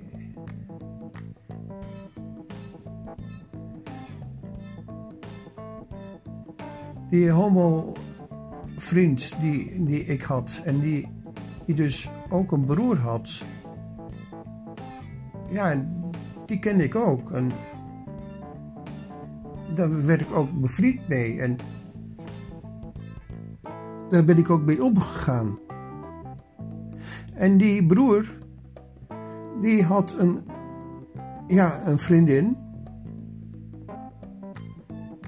die hij ook op de kunstacademie had leren kennen, in Den Bosch. En die vriendin had weer een vriendin en die wilde daar, en die was modeontwerpster geworden. En die had een baan gekregen als bij een heel klein eh, exclusief modewinkeltje in, in Amsterdam. Niels heet dat geloof ik. Eh, zo'n klein exclusief winkeltje vlakbij de Dam. En die mocht via, uh, via uh, de, de, de, de broer van, ja, van haar vriend, mocht ze een kamertje huren hoe zat dat dan precies? Ja, mensen hadden gewoon meerdere kamers. En hadden ja, telkens kamertjes willen annexeren. Dat, ja, dan was het gewoon allemaal zo. Uh, ja, ik, ik, ik, bedenk me daar nog, nog even iets, iets wat er op een gegeven moment tussenin komt. Ja, dat, dat, dat, dat, dacht ik. Ja. Want ik bedenk me ook dat ik uh, toen ik daar in dat ziekenhuis, dat uh, gebouw waar, uh, waar mijn moeder is geboren, ja, dat was eigenlijk ook een heel vreemd, vreemde plaats waar, waar, waar van alles gebeurd is geweest. Ik, ik ja, toch, een, nog toch even heel kort wil ik dat vertellen. Ik, ik was daar uh, toen ik naar de kunstacademie was gegaan, toen heb ik, uh, wilde ik naar Amsterdam. Ik wilde naar Amsterdam en ik wilde daar wonen. En ik had via, ja, via, via mijn toenmalige vriendin, ik daar voor al een paar jaar geleden was kwijtgeraakt door een heel andere situatie. maar in ieder geval ik, ja, ik, heb, ik heb veel, veel meegemaakt met vrouwen. Maar goed, ik, ik moet niet te veel afdalen. Ik, ik wil het alleen even melden dat of die eerste vriendin die ik in Amsterdam had, leren kennen. Die, waar ik een verhouding mee heb gehad. Die, dat was Marian. Marian. Marian de Rond, geloof ik. Een boerendochter uit, uit het Brabant. En ja, die woonde uh, ja, eigenlijk vlak naast mij. En daar kreeg ik een verhouding mee. Dat was ja, heel leuk. Ik, eh, we gingen uh, met z'n allen naar feestjes toe. Ik, ook in Brabant. Ik, weet, ik kan me nog goed herinneren dat we eens een keer naar Brabant gingen. En tot ik, dat ik haar eindexamen kostuum mocht dragen. Ja, dat was, uh, ja, dat was een echt pak. Maar dan een heel speciaal pak. Wat zij voor haar afstuderen had gemaakt. Het is eigenlijk heel bijzonder dat ik dat aan had op dat moment. Ja, ze was, uh, was, was, was ook een hele bijzondere vrouw die ik tegen was gekomen. En ja, mijn homofiele vriend, die had dus een uh, broer die op dat moment dus geen homo was. Ja, en uh, dat is toch wel een vreemd voorbeeld. Want ja, begrijpen doe ik het nog steeds niet. Want die, die, die broer van mijn homofiele vriend, die is later dus ook homo geworden. Die is met een, ja, andere man gaan samenwonen. Een gekke wereld, we leven toch. Dat mensen op een gegeven moment kunnen besluiten om... Ja, nee, ik ben toch, toch niet uh, hetero. Ik hou niet zoveel vrouwen. Ja, als ze te veel misschien meemaken van verkeerde praktijken, verwrongen van praktijken. Misschien worden ze dan wel homo, ik weet het niet. Ik, ik heb dat niet uitgevonden. Ik, ik hoef er ook helemaal geen oordeel over. Dat laat ik aan God over. En het, mensen zijn er niet minder om. Als ze homo zijn, mogen ze van mij. Maar laten ze wel respectvol zijn. Laat ze als een getuige zijn wel gaan getuigen. Want anders heb je er helemaal niks aan. Anders heb je niks aan iets waar, ja, wat je als een getuige voor de liefde wilt hebben. Ik, ik ben nu in staat om iedereen af te raden om als getuige een homofiele vriend te gaan kiezen. En als ik zeg een homofiele vriend, dan, dan denk ik haast van ja, dan klinkt het haast alsof ik die, uh, of dat een vriend van mij was. Zo, zo, zo is dat in de Nederlandse taal. Is een beetje gehandicapt, die, die Nederlandse taal. Want ik was niet homo. Ik ben nooit homo geweest. Het tegenovergestelde daarvan is juist. Misschien was ik wel heel erg zo vrouwsgericht dat, het, ja, dat, dat, je eigenlijk bijna niet voor mogelijk kan houden. En toch, toch was er iemand in mijn familie, en dat was notabene mijn eigen oom, die in het, het laatste van zijn leven had verteld dat hij eigenlijk gedacht had dat ik een homo was. Ik stond perplex. Hoe kan iemand ja, ja, en ik wist dat eigenlijk ook wel. Want hij had me al genoeg verteld over het humanistisch verbond. ja, sorry hoor, maar ik, ik ga het even vertellen. Wat ik misschien al eerder heb verteld is dat mijn oom de directeur was van het humanistisch verbond. En daar hadden we het wel eens over, met z'n tweeën. Ik, ik ontmoette zijn collega's wel in Utrecht en... Uh, ja, er is helemaal uh, niks mis mee, dacht ik. Maar hij vertelde mij één keertje, en dat wil ik nu toch wel gaan vertellen. Hij vertelde me een keertje dat er iets raars was met dat humanistisch verbond. Namelijk, hij had het meegemaakt dat hij een facturen moest uitzetten en dat zijn collega's erop wilden aandringen dat de nieuwe vacature vervuld moest worden door een homoseksueel persoon.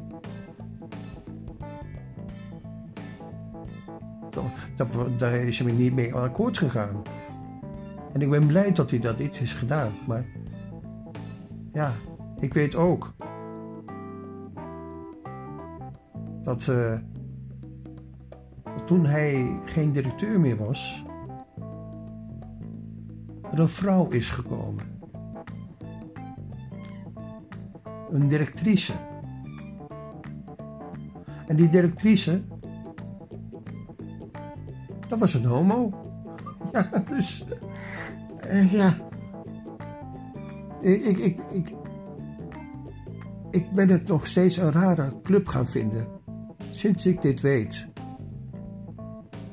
Ik heb niks op homo's tegen, maar ik heb wel iets tegen op mensen die, die ook hetero's veroordelen.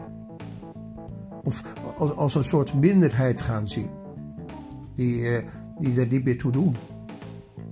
Uh, ik vind het totaal terecht dat mijn oom geen homo als, als, als toelatingseisen wilde uh, doen laten gelden. Alsof homo's alleen maar goed, goed waren in het humanistisch verbond. Belachelijk gewoon. Dat moet verboden worden. Ja, maar wie ben ik?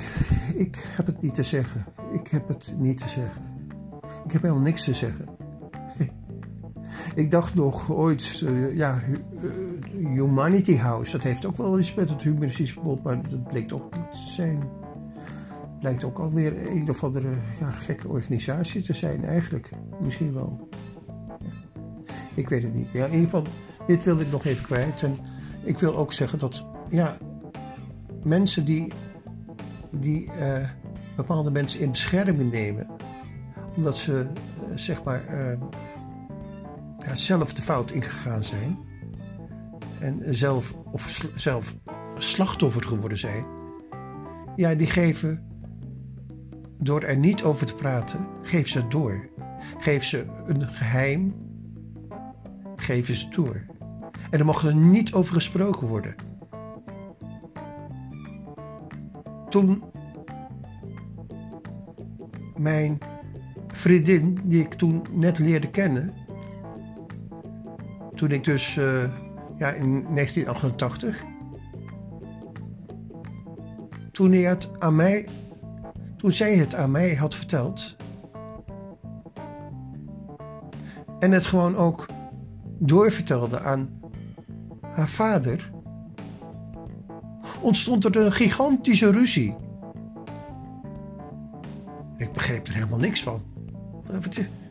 Ja, ik had het allemaal gehoord en ik had al alles vernomen.